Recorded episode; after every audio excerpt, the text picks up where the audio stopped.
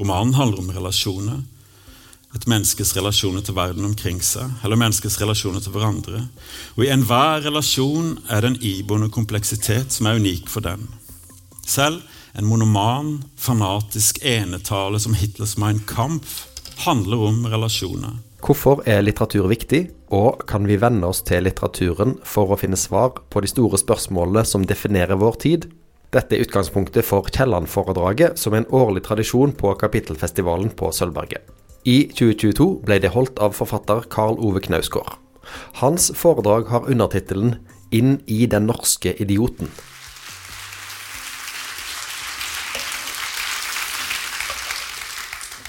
Tusen takk. Takk for at dere har kommet. Det er en ære å bli invitert til å holde Kielland-foredraget. Jeg har blitt bedt om å besvare to spørsmål her i kveld. Det første spørsmålet lyder Kan vi venne oss til litteraturen for å finne svar på de store spørsmålene som definerer vår tid? Svaret på det enkelt. Nei, det kan vi ikke. Det andre spørsmålet lyder Hvorfor er litteratur viktig? Det spørsmålet tar for gitt at litteratur er viktig, og spør om hvorfor. Jeg er ikke så sikker på det, og har derfor omformulert spørsmålet litt, nemlig til er litteratur viktig? Og siden jeg er romanforfatter, videre til er romanen viktig? For å svare på det har jeg skrevet et foredrag. Det er årets Kielland-foredrag, og det heter inn i den norske idioten. Poeten Rainer Maria Rilke skrev en gang at musikk kunne løfte ham opp. Og det er jo ingenting bemerkelsesverdig med det, før han la til å sette meg fra seg på et annet sted. Jeg elsker det sitatet. Jeg elsker det fordi jeg kjenner det så godt igjen. Ikke bare når det gjelder musikk, men også litteratur. Den underlige følelsen som du kan være fylt av når lesingen er over, og du sitter der med boka senka, for noen minutter, for noen minutter fortsatt i dens verden. Sist gang jeg opplevde det, var forrige vinter, da jeg leste den irske forfatteren Claire Keegans roman 'Små ting som dette'. Jeg hadde ikke hørt om Keegan før, og det var tilfeldig at jeg plukka den opp. Det er en liten roman på 116 sider, og jeg leste den ut på noen timer. Da jeg var ferdig, ble jeg sittende i stolen i stua med boka senka i noen minutter, helt fylt av bokas følelser og bokas stemninger, som jeg på en merkelig måte opplevde som akutte. Etter hvert reiste jeg meg og forsvant inn i dagens gjøremål, og inntrykkene fra romanen svant langsomt hen, til det var så godt som ingenting i en av dem, annet enn en bestemt følelse som slo inn når jeg tenkte på den. Og Sånn er det med alle gode romaner. De kan fylle meg helt, men bare i øyeblikket. Når lesingen er over, løser opplevelsen seg av den opp. Spiller denne opplevelsen noen rolle? Er den på noen måte viktig? Eller er det å lese romaner bare en interessant måte å fordrive tida på? Hvis jeg hadde spurt dere om hva som er viktig akkurat nå, ville noen kanskje svart krigen i Ukraina, andre klimakrisen, atter andre de høye strømprisene, eller kanskje den strukturelle rasismen. For noen vil det kanskje være en utmattende konflikt på jobben, eller at en mor er syk og ligger for døden, eller en skinnende ny forelskelse. Jeg tviler på at så mange av dere på spørsmålet 'Hva er viktig?' ville ha sagt romanen. At romanen er viktig. Er romanen viktig? For hvem og hvorfor? Før jeg fortsetter, må jeg nesten opplyse om at jeg er inhabil i denne saken. Jeg har lest romaner hele livet. og har også skrevet noen stykker sjøl. Så hvis jeg svarer nei på spørsmålet, sier jeg samtidig at jeg kasta bort hele mitt voksne liv på noe ubetydelig og dypest sett meningsløst. Og hvis jeg svarer ja, vil det kunne oppfattes som et desperat selvforsvar. Men det forandrer ikke saken, tilhører den ikke engang. For der satt jeg altså i stolen i stua med romanen 'Små ting som dette' senka, og var fylt av dens følelser og stemninger på en akutt måte. Hvorfor den gjorde så stort inntrykk, er vanskelig å si. Men lesing er nærvær. Det er å komme nær noe. Hva kommer vi nær i små ting som dette? Den åpner sånn. I oktober var det gule trær. Så ble klokkene stilt en time tilbake, og de lange novembervindene kom blåsende inn og kledde trærne nakne. I byen New Ross spydde skorstenspiper ut røyk som falt av og drev vekk i hårete, langstrakte tråder før den løste seg opp langs kaiene. Og snart svulmet elva Barrow, mørk som stout, opp av regn. I løpet av tre setninger og på aller enkleste måte er en hel liten verden åpna. Setningen bærer med seg bildet. Vi ser trærne, byen med fabrikkpipene og kaiene, elva som renner gjennom. Men setningen er også lada med en stemning. Hva slags stemning er det, og hva i teksten er det som vekker den? Jeg tror stemninga kommer av at bildene, trærne, fabrikkpipene, ikke er beskrevet ut fra seg sjøl, men er alle forbundet med bevegelse. Vi ser trærne når vinden river bladene av. Vi ser fabrikkpipene når vinden drar ut røyken fra dem. Vi ser elva når den svulmer opp av regnvann. Vi ser mer enn byen. Vi ser byen som er i noen ytre krefters vold. Vi ser et sted som noe strømmer gjennom. I neste avsnitt dukker menneskene i byen opp som et mylder av anonyme skikkelser i supermarkedet og bingohallen, i arbeidsledighetskø og på vei til skolen med hodet bøyd mot vinden. De er som sett fra en stor høyde, like mye i noen ytre krefters vold som bladene som vinden river av trærne. Midt i denne virvelen av mennesker stanser teksten opp ved en av dem, og perspektivet forandrer seg. Fra nå av ser vi byen og livet der fra innsida gjennom sansene og tankene til en Bill Furlong. Han er det som ofte kalles en vanlig mann, altså at det ikke er noe ekstraordinært ved ham eller livet hans. Han selger ved og kull, er gift og har fem døtre. Han jobber mye, familien har ikke stort å rutte med, og han føler iblant at livet forsvinner i de strenge rutinene, tenker at det må være noe mer med livet enn å jobbe, spise og sove. Men det som er med ham, og som han kanskje selv ikke har klart for seg, er at han er et godt menneske. Og på mange måter er små ting som dette en roman om det gode. Hva er det gode? I seg selv er det en abstrakt forestilling uten noen konkret eksistens. Som en slags menneskelig måleenhet forholder det gode seg til handling som litermålet til melka. I den store romanen om det gode, Dostojevskijs 'Idioten', får det gode som idé en fysisk eksistens gjennom fyrst Myrskin, det absolutt gode mennesket, og henter sin kraft fra kollisjonen mellom det ideale og det reelle. Det er som om det ideale, det gode, blottlegger det reelle fullstendig, som om lyset blir slått på i et nattemørkt rom full av dritings mennesker. Idioten er en idéroman, eller som Dostojevskij selv kalte det, fantastisk realisme. Det gode vi møter i små ting som dette, er av en helt annen karakter.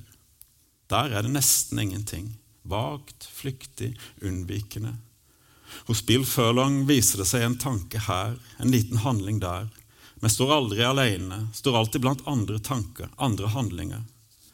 Om det gode er et lys her, er det ikke et kraftig flatt et som brutalt blottlegger det sosiale, som hos Dostojevskij, men et svakt, flakkende som rett som det blir blåst ut av konkurrerende tanker, konkurrerende hensyn, konkurrerende handlinger. Ja, så skjørt er det at bare det å snakke om det, som jeg gjør nå, blåser det ut.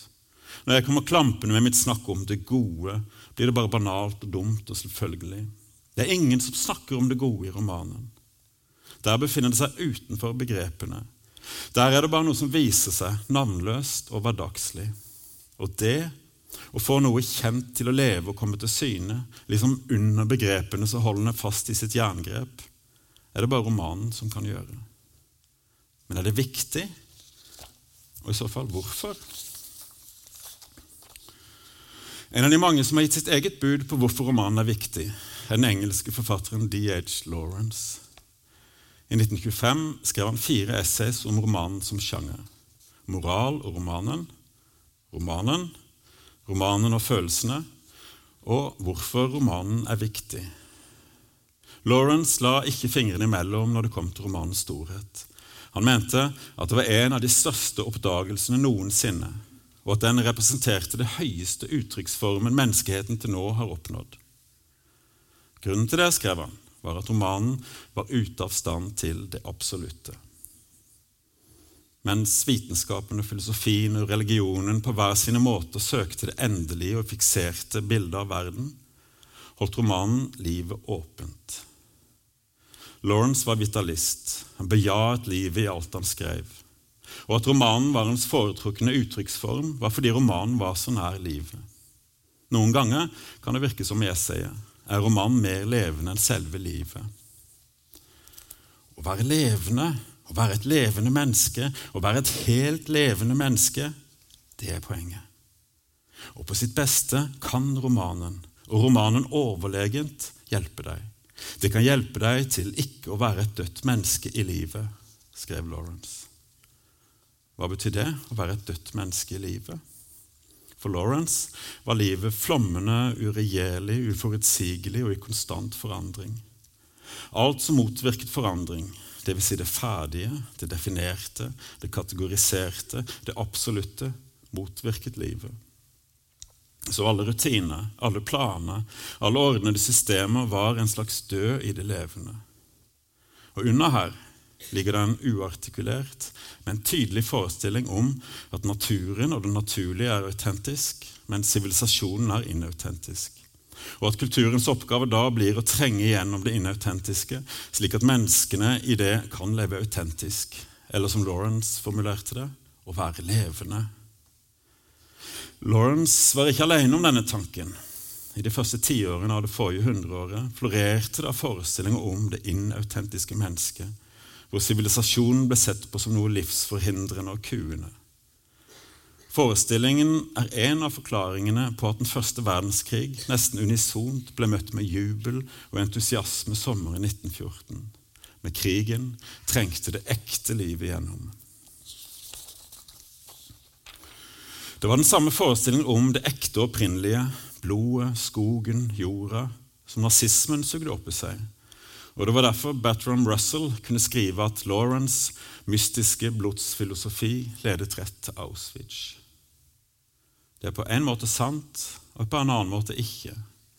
For livsbejagelsen til Lawrence hadde en annen konsekvens, som er det essayet hvorfor romanen er viktig handler om, nemlig bejagelsen av livets form som er åpen, uoversiktlig, bevegelig, foranderlig, uavsluttet. Med andre ord det er eksakt motsatt av nazismens absolutisme. Det er et av de viktigste poengene i Lawrences essay, hvor han et sted skriver La oss en gang for alle og for alltid bli ferdig med det absolutte, stygge imperialisme. Romanen, ser han ut til å mene, oppløser det absolutte nærmest av seg sjøl, i kraft av sin form som jo handler om relasjoner. Altså forholdet mellom mennesker, og mellom mennesker og verden, og mellom mennesker og språket. Og Jo lenger inn dit man går, jo mer bevegelig og relativt blir det. Et godt eksempel på det er å finne hos en annen vitalistisk forfatter som skrev samtidig med Lawrence, nemlig Knut Hamsun. Hamsun var jo nazist. Og Helt siden han ble dømt for landsforræderi etter krigen, har vi som kjent diskutert grensene mellom mannen og verket, nazismen og litteraturen. I 1915 deltok Hamsun i en avisdebatt. Debatten handlet om to unge kvinner som hadde født barn i hemmelighet, og så drept dem. Hamsun var opprørt over den milde straffen de fikk, henholdsvis fem og åtte måneders fengsel. Hamsun ville ha dødsstraff. Heng dem, heng dem, skrev han i avisene. To år senere utkom hans roman 'Markens grøde'. Den handler bl.a. om en kvinne som dreper sitt nyfødte barn. Den er skildra fra innsiden. Vi lærer henne å kjenne, vi følger henne gjennom dagene, vi forstår henne. Noe som ikke forringer ugjerningen. Tvert imot forsterkes den ved at tragedien blir synlig fra alle kanter, og ikke lenger bare er et enkelt faktum som avføder en enkel reaksjon. Heng dem. Det er det romanen gjør. Den trekker enhver abstrakt forestilling om livet, det være seg av politisk, filosofisk eller vitenskapelig art, inn i det menneskelige, hvor det ikke står alene, men støter mot en myriade av andre inntrykk, tanker, følelser og handlinger. Den utslettes ikke nødvendigvis, men det enkle ved den motsies av kompleksiteten det befinner seg i. Det er derfor Dostojevskijs romaner fortsatt lar seg lese. For der er forholdet mellom de abstrakte og rene ideene og den kaotiske, uoversiktlige, følelsesdrevne virkeligheten selve drivkraften, selve tankestrategien. Dostojevskijs egne idealer må gi tapt dersom motstemmen tilhører en mer interessant karakter, noe den ikke sjeldent gjør. Og Det er derfor D.H. Lawrence' romaner ikke er like gode som Dostojevskijs. For selv om Lawrence ville at romanene skulle være som livet sjøl, så kan ideen om livet bli så sterk i romanen hans at det låser fast det levende, som da ikke lenger flyter og er foranderlig og motsigelsesfullt, men stivner i en tankeform. Det er mange år siden jeg leste romanen hans 'Regnbuen'. Men en av de få scenene jeg husker, fant sted mellom en ung mann og en ung kvinne på en måneskinnsbelyst åker. Og Jeg husker den fordi det var som om kvinnen og mannen var kjempe. De var så fulle av liv og det å være menneske at de forlot realismen og ble noen slags greske heroer eller giganter der ute blant kornaksene. Scenen fylte meg med ulyst, husker jeg. Og Det gjorde den nok nettopp fordi viljen til liv ble absolutt, for på den måten å kvele livet og ugyldiggjøre seg sjøl. Romanen ble falsk. Det betyr ikke at den ikke er interessant, for en roman er også alltid et bilde av den tiden den ble skrevet i. Og Sammen med Hamsuns 'Markens grøde' er den med på å gjøre synlig de understrømninger som går mellom vitalisme og totalitarisme. Men det betyr ikke at romanene deres er totalitære. En totalitær roman er en 'contradiction in terms', som engelskmennene sier. En umulighet. Romanen handler om relasjoner, et menneskes relasjoner til verden omkring seg, eller menneskets relasjoner til hverandre. Og I enhver relasjon er det en iboende kompleksitet som er unik for den. Selv en monoman, fanatisk enetale som Hitlers Mein Kampf handler om relasjoner. Og Allerede på de første sidene viser den iboende kompleksiteten seg. Når Hitler skriver noen setninger om oppveksten med sin far og mor, og det blir åpenbart at han både forskjønner og holder tilbake og ønsket om å styre bildet av seg sjøl gjør i seg sjøl jeget ustabilt og åpner for en indre kamp mellom orden og kaos, som forsøkes å holde skjult, men som likevel pipler fram og farger den monomane enetalen. Det totalitære handler om avstand og kontroll, om det generelle og det som gjelder alle. Alle som har vært i Russland, må ha lagt merke til det enorme antallet av krigsmonumenter som finnes der. Det står ett i hver lille landsby, og det brenner en fakkel ved hvert av dem. De representerer den store, heroiske russiske fortellingen om den andre verdenskrigen. I løpet av de siste årene har alle ytringer som har motsagt eller komplisert den enkle fortellingen, blitt kvelt. F.eks.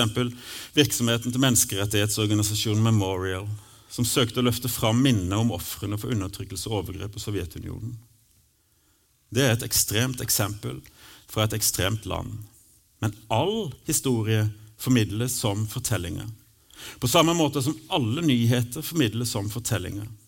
Romanens rolle har alltid vært å bevege seg unna disse store fortellingene, bryte dem opp formelt og tematisk, for på den måten å komme nærmere den konkrete erfaringen av virkeligheten. Cervantes' Don Quijote av mange regnet som den første romanen, og uansett fortsatt en av de mest kjente. Hva handler den om? Den store fortellingens bråstopp i virkeligheten. Kollisjonen mellom riddersagaens romantikk og heltemot og den trivielle verden, hvor hæren viser seg å være en vanlig saueflokk og kjempene vanlige, knirkende vindmøller. Lawrence Sterns 'Tristram Shandy', en annen av de kanoniserte romanene. Hva handler den om? Ingenting. Den saboterer selve fortellingen og gjør narr av den med sine millioner digresjoner. For ikke snakke om modernismens store romanklassiker, James Joyces Ulysses, som ikke bare bryter ned helteeposet Odysseen til vanlig hverdag, men også bryter ned selve historiens overbygning, både den allmenne og den individuelle, gjennom å bare la det finnes i biter og stykker i denne ene dagen romanen utspiller seg samtidig som den også relativiserer fortellingen som form gjennom å anvende et utall ulike fortellermåter på de samme menneskene den samme dagen. Ulysses kom ut i 1920, altså fem år før Lauren skrev essayene sine om romanen. Og man skulle tro at han ville sette pris på Joyces totale nedmontering av det absolutte. Men sånn forholdt det seg ikke. Tvert imot. Lawrence avskydde Ulysses. Like sterkt som han avskydde Marcel Proust på sporet av den tapte tid. Han mente at de befant seg på romanens dødsleie, og gikk ikke av veien for å håne den. Sånn kunne det lyde. Ligger Ulysses i vogga, og kjære vene, for et grått ansikt. Og Marcel Proust, akk, du kan høre dødsrallingen i strupene deres. De kan høre det sjøl. De lytter til den med akutt interesse og forsøker å finne ut om intervallene er i liten ters eller forstørret kvart. Noe som er ganske infantilt, egentlig. Så der har du den seriøse romanen, døende i en veldig langtrukket 14-binds dødskamp, barnslig oppslukt av og interessert i fenomenet. Kjente jeg en rykning i lilletåa, Det gjorde jeg det ikke? Spør hver eneste av Joyces eller Prousts karakterer seg. At Joyce og Proust sammen med Virginia Woolf 100 år senere skulle bli stående som de litterære gigantene fra hans samtid, kunne jo ikke Lawrence vite. Heller ikke at nettopp de romanene han hånet, skulle revolusjonere hele sjangeren. Og Leser man Lawrence, er det ikke vanskelig å forstå at han var blind for kvaliteten i nettopp disse romanene. Hele denne gjengen, Joyce, Lawrence, Woolf og Proust, forsøkte å komme nær virkeligheten med romanene sine. Men mens Lawrence brukte fortellingen for å komme dit, var fortellingen for de tre andre et hinder, noe som stengte romanen ute fra virkeligheten, og som måtte overkommes. Og det førte til en slags formmessig eksplosjon. Hvis vi først ser på en passasje fra Lawrences 'Regnbuen', f.eks. denne De siste månedene hun var gravid, gikk han omkring i en tilstand av overopphetet forventning som ikke ville ta slutt. Hun var så deprimert. Av og til gråt hun. Det skulle så mye liv til for å komme i gang på nytt etter at hun hadde mistet så mye. Av og til gråt hun. Da sto han der stiv og trodde at hjertet hans skulle gå i stykker. For hun ville ikke ha ham. Hun ønsket ikke engang å bli gjort oppmerksom på ham. Rynken i ansiktet hennes var nok til å fortelle ham at han måtte holde seg i bakgrunnen, la henne være i fred, alene. For det var den gamle sorgen som hadde vendt tilbake. Det gamle tapet, det gamle livets smerte, den døde ektemannen, de døde barna. For henne var dette hellig, han måtte ikke forbryte seg mot henne ved å gi henne trøst. Det hun ville ha fra ham, ville hun be ham om. Han holdt seg på avstand, med hjertet i brann. Dette er jo en strålende passasje. Tung av skjebne, tung av levd liv og psykologisk innsikt. Men det er også klart at en som har skrevet noe sånt med sitt eget hjerteblod, måtte bli provosert når han leste f.eks. dette fra Ulysses. Snart en kopp te. Godt. Tørr i munnen. Katten gikk stivt rundt et bordbein med halen i været. Mjau. Og der er du, sa Mr. Bloom og snudde seg fra ilden. Katten mjauet til svar og smøg seg på nytt stivt rundt bordbeinet. Mjauet. Akkurat som hun smyges over skrivebordet mitt. Klø meg på hodet. Brrr. Mr. Bloom betraktet nyfinket, vennlig den smidige, svarte figuren. Ren å se til. Glansen i den slanke pelsen, den hvite flekken under haleroten, de grønne, lynende øynene. Han bøyde seg ned mot henne, hendene på knærne. Melk til pusen, sa han. Mjau, jamret katten. Man sier de er dumme. De forstår bedre hva vi sier, enn vi forstår dem. Hun forstår alt hun vil. Hevngjerrig også. Lurer på hvordan jeg ser ut for henne. Høy som et tårn? Nei, hun kan hoppe fra min høyde. Redd for hønsene er hun, sa han ertende. Redd hønepøne. Jeg har aldri sett en så dum pus som pusen. Grusom, naturen hennes. Underlig at musen aldri piper. Virker som de liker det. Mjau, sa katten høyt. Hele forskjellen mellom de to passasjene har med avstand å gjøre. For Lawrence handler det om å komme nær følelsene, og de er beskrevet som noe i seg selv. Depression, grief, depresjon, sorg. De er strukket ut i tid, og de er abstrakte. For Joyce handler det om å komme nær øyeblikket, og i øyeblikket fins det ingen fortelling. Bare handlinger og tanker som ennå ikke har blitt definerte. Fortellingen krever større avstand, som eksempel Det var den dagen den irlandske annonseselgeren Bloom, middelaldrende og av jødisk avstamning, satt på kjøkkenet og gjorde seg tanker om kattens natur. Samtidig som hans kone Molly, som noen timer senere skulle være han utro, lå og sov i etasjen over. Det er den samme avstanden Virginia Woolf elaborerte med noen år senere i romanen 'Til fyret'. Rammen er nærmest handlingsløs. En familie samlet i et sommerhus, måltider og rusleturer i kystlandskapet. Man kunne tenke seg at det best ville være fanga i en serie feriefotografier av den gamle svart-hvitt-typen. Her er familien samla rundt bordet. Her spiller familien cricket i hagen osv. Men det Wolf gjør, er å gå så tett, tett på hver og en av karakterene at det blir frigjort enorme mengder av små, hverdagslige emosjoner. Samtidig som relasjonene mellom menneskene blir åpna, og det statiske bildet, familien med sine roller, nærmest eksploderer av liv. Både Joyce og Wolf går under fortellingen og ekspanderer det vesle tidsrommet som finnes der. Hvorfor? Ja, men det er jo der vi lever. Alt det som definerer oss, det som bestemmer hva vi ser, hva vi tror, hva vi tenker og forstår av verden rundt oss, kommer til oss utenfra og er som oftest organisert som fortellinger. Her er vi innenfor. Her er vi i øyeblikket, og det er bare i øyeblikket at noe blir til. Et annet, mye mer aktuelt og nærmere eksempel på, en, på en roman som jobber i grenselandet mellom fortellingens avstand og romanens nærhet, kan være 'Barnehjemmet' av den ukrainske forfatteren Sergej Sadan. Den ble utgitt i Ukraina i 2017. Og Den handler om den daværende konflikten i Donbas-området i Øst-Ukraina, hvor væpna russiske separatister erklærte uavhengighet fra Ukraina, altså i årene før Russlands invasjon. Men ingenting av denne bakgrunnen er gitt.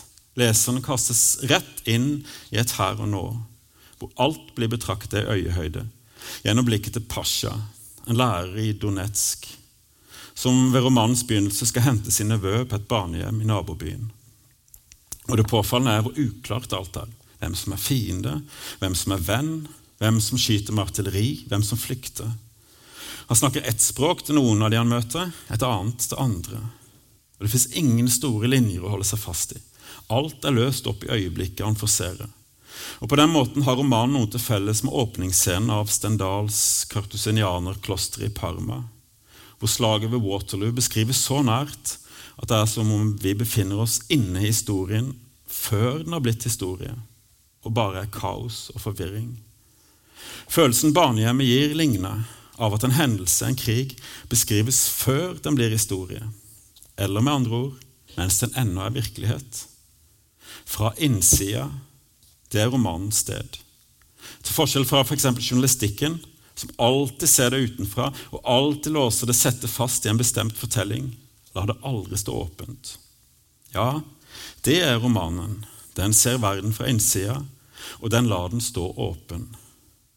Romanen gir språk til denne erfaringen, som dermed får et sted. Det stedet finnes ingen andre steder. Det finnes ikke i filmen, ikke i journalistikken, ikke i sakprosaen, ikke i filosofien eller psykologien, ikke i biologien eller kjemien, heller ikke i religionen.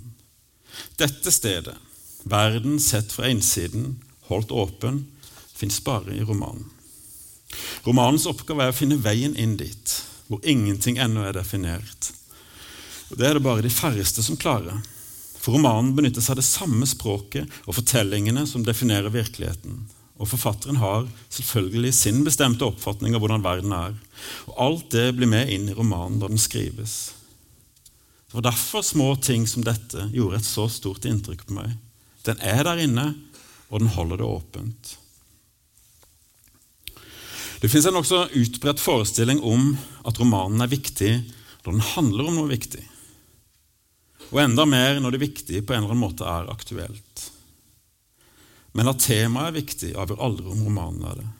Tvert imot kan det være et problem for romanen. For om det viktige har man ofte sterke meninger, som er det på forhånd. Og alt som er der på forhånd, gjør det vanskelig for romanen, siden det som gjør den viktig, slik jeg ser det, er nettopp at den gikk språk til noe som ikke har språk, til noe som ellers ikke kommer til orde. Og siden det viktige blir snakka om overalt, er det viktig et område det er vanskelig å være i for romanen. Den kan klare det om den kommer så nær det viktige at det unnslipper meningen om det. Mot det kan man innvende hva er verdien av nærvær? Det er et godt spørsmål, men ikke bedre enn motspørsmålet hva er verdien av en mening? Å mene noe om noe er å ta kontroll over det. Det er en aktiv handling. For å være nær noe og la seg fylle opp av det kreves det motsatte. Det handler om å slippe kontrollen og er passivt. Forskjellen mellom å ha en mening om noe og være nær noe er forskjellen på å ta plass og gi plass. Det er ingen tvil om at det første har forrang i kulturen, og at det passive, det å ikke handle, har lav status. Dette er abstrakt, og uten en konkret kontekst sier det kanskje ikke så mye. Men hvis vi ser på Keegans roman 'Små ting som dette', og den verdenen den gestalter, er den holdningen nedfelt i alle lag av romanen. Romanen gir plass til en mann som selv ikke tar plass i handlingen, og også til en mann fra et lag av samfunnet som ikke tar plass i kulturen. Men det viktigste er at romanen gir plass til noe i ham, og dermed i oss, som er så finstilt og flyktig at han selv ikke er det bevisst, og som først kommer til syne i romanskriften. En av de beste romanene jeg har lest, og som kanskje har hatt størst betydning i forhold til de tankene og romanene jeg snakker om i kveld, er 'Fuglene' av Tarjei Vesaas fra 1957. Den handler som dere vet om Mattis, en mann i 40-årene som er det som før het tilbakestående. Hvis vi tenker oss Mattis som et sted, er det knapt mulig å tenke seg et mindre viktig sted i samfunnet. Mattis produserer ingenting, skaper ingenting av verdi eller nytte, verken ting eller tanke. Tvert imot er den en byrde, en som folk må ta seg av. Det finnes ingenting vi har bruk for der. Ingenting. Så hvorfor gikk Vesaas dit? Fuglene kan godt leses som et psykologisk portrett av et umodent sinn, en slags gjenreising av menneskeverdet for alle som er som Mattis, eller som en undersøkelse av utstøtningens mekanisme og ensomhetens vilkår. Men viktigere er det at noe kommer til syne nettopp her, i det produksjonsløse og ikke-meningsskapende, som ikke er synlig andre steder. Og det som kommer til syne der, i den passiviteten, er kanskje det viktigste av alt.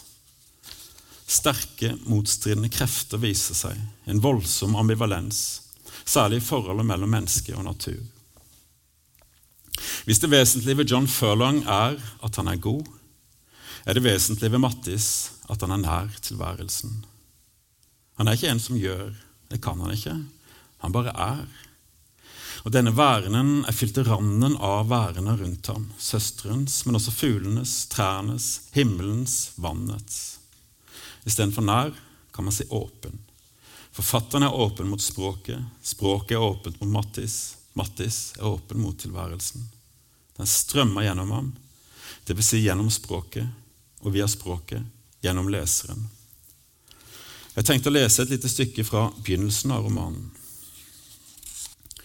Just nå var det at den store hendinga kom. Med han grunna og hadde syner av Hege som gikk sin vei satt han på den gamle plassen sin på Stågetrammen og så over vatnet bort til vestliene. Vatnet var svart nå, og liene djupna og mørkna. Fin sommerskumring overalt i himmel og på jord. Mattis var sett ikke blind for slike ting.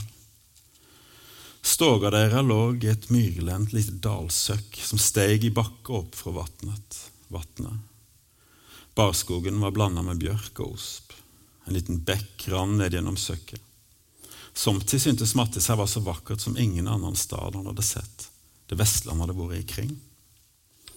Kanskje satt han med denne kjensla nå òg.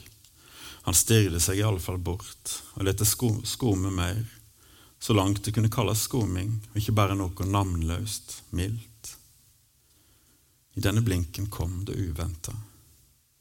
Hit om vinden er det stilt, hadde han just tenkt, medan han så mot de to ospetoppene av nattehimmelen. Der sila noe mellom toppene.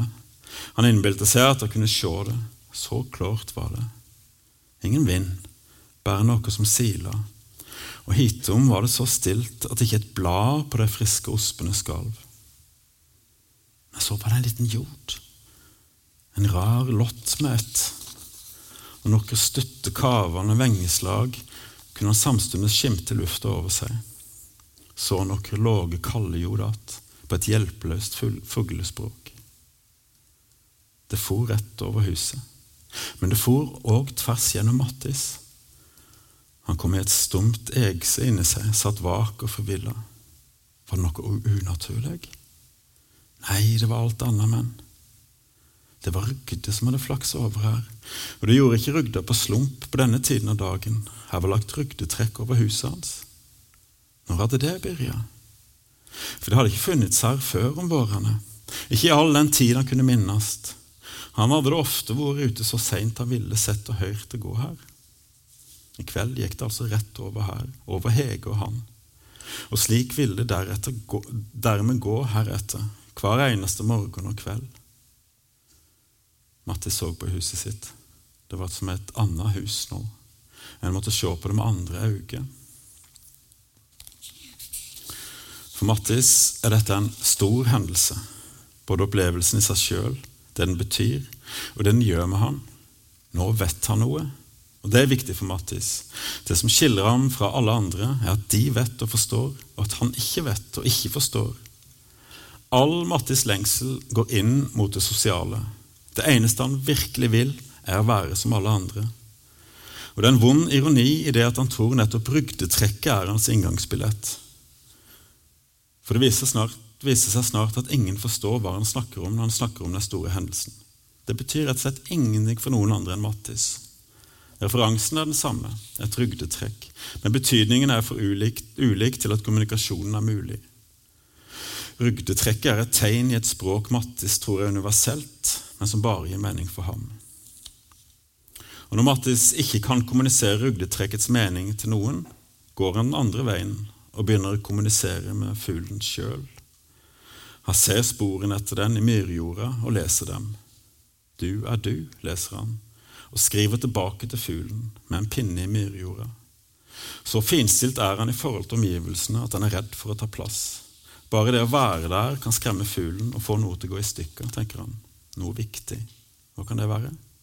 Båndet han har til fuglen, kanskje. Det er så skjørt at det skal ingenting til før det går i stykker eller selve tilhørigheten. For Mattis blir den store hendelsen begynnelsen til slutten. En jeger skyter fuglen, en tømmerhogger leier et rom i huset og blir kjæreste med søstera Hege. Mattis mister festet, ror til sist ut på vannet, slår hull i båten og går under med den. Det siste han gjør, er å rope sitt eget navn, og Vesaa skriver. På det aude vatnet let det som et framand fugleskrik. Helt til det siste identifiserer romanen Mattis med fuglene som det ikke-menneskelige, mens Mattis sjøl har gjort det motsatte, identifisert seg med fuglen i håp om at den vil hjelpe han inn til menneskene. Mens Mattis lengter inn mot det sosiale og språket, lengter romanen ut mot naturen, ut av språket. Mens Mattis søker handling som vil innlemme ham i fellesskapet, søker romanen det handlingsløse og den værenden som kommer til syne i det. De konfliktene som artikuleres i fuglene, tilhører en idiot. En som ingen hører på eller er interessert i, og som ikke kommer til orde noe sted. Også fordi hans vesen er av en karakter som gjør det umulig for ham å kommunisere. Den følger en annen logikk, og denne andre logikken blir kontinuerlig kvelt i møte med normaliteten. Bare en roman kan klare å holde de to motstridende logikkene oppe samtidig. Og bare en roman kan klare å artikulere de viktigste konfliktene vi står oppe i, uten å låse dem fast i definisjoner, men la dem stå åpne for følelsene og erfaringene. Det er det viktigste av alt. For forandring må komme innenfra. Det er der holdningen og forestillingen om verden og oss sjøl lever. Og det er dit romanen alltid søker seg. Inn i den norske idioten. Inn i den irske vedselgeren. Inn i den ukrainske læreren. Det er romanens oppgave å gå inn i verden og holde den åpen. Og det er fordi den faktisk kan det, at den er viktig. Takk.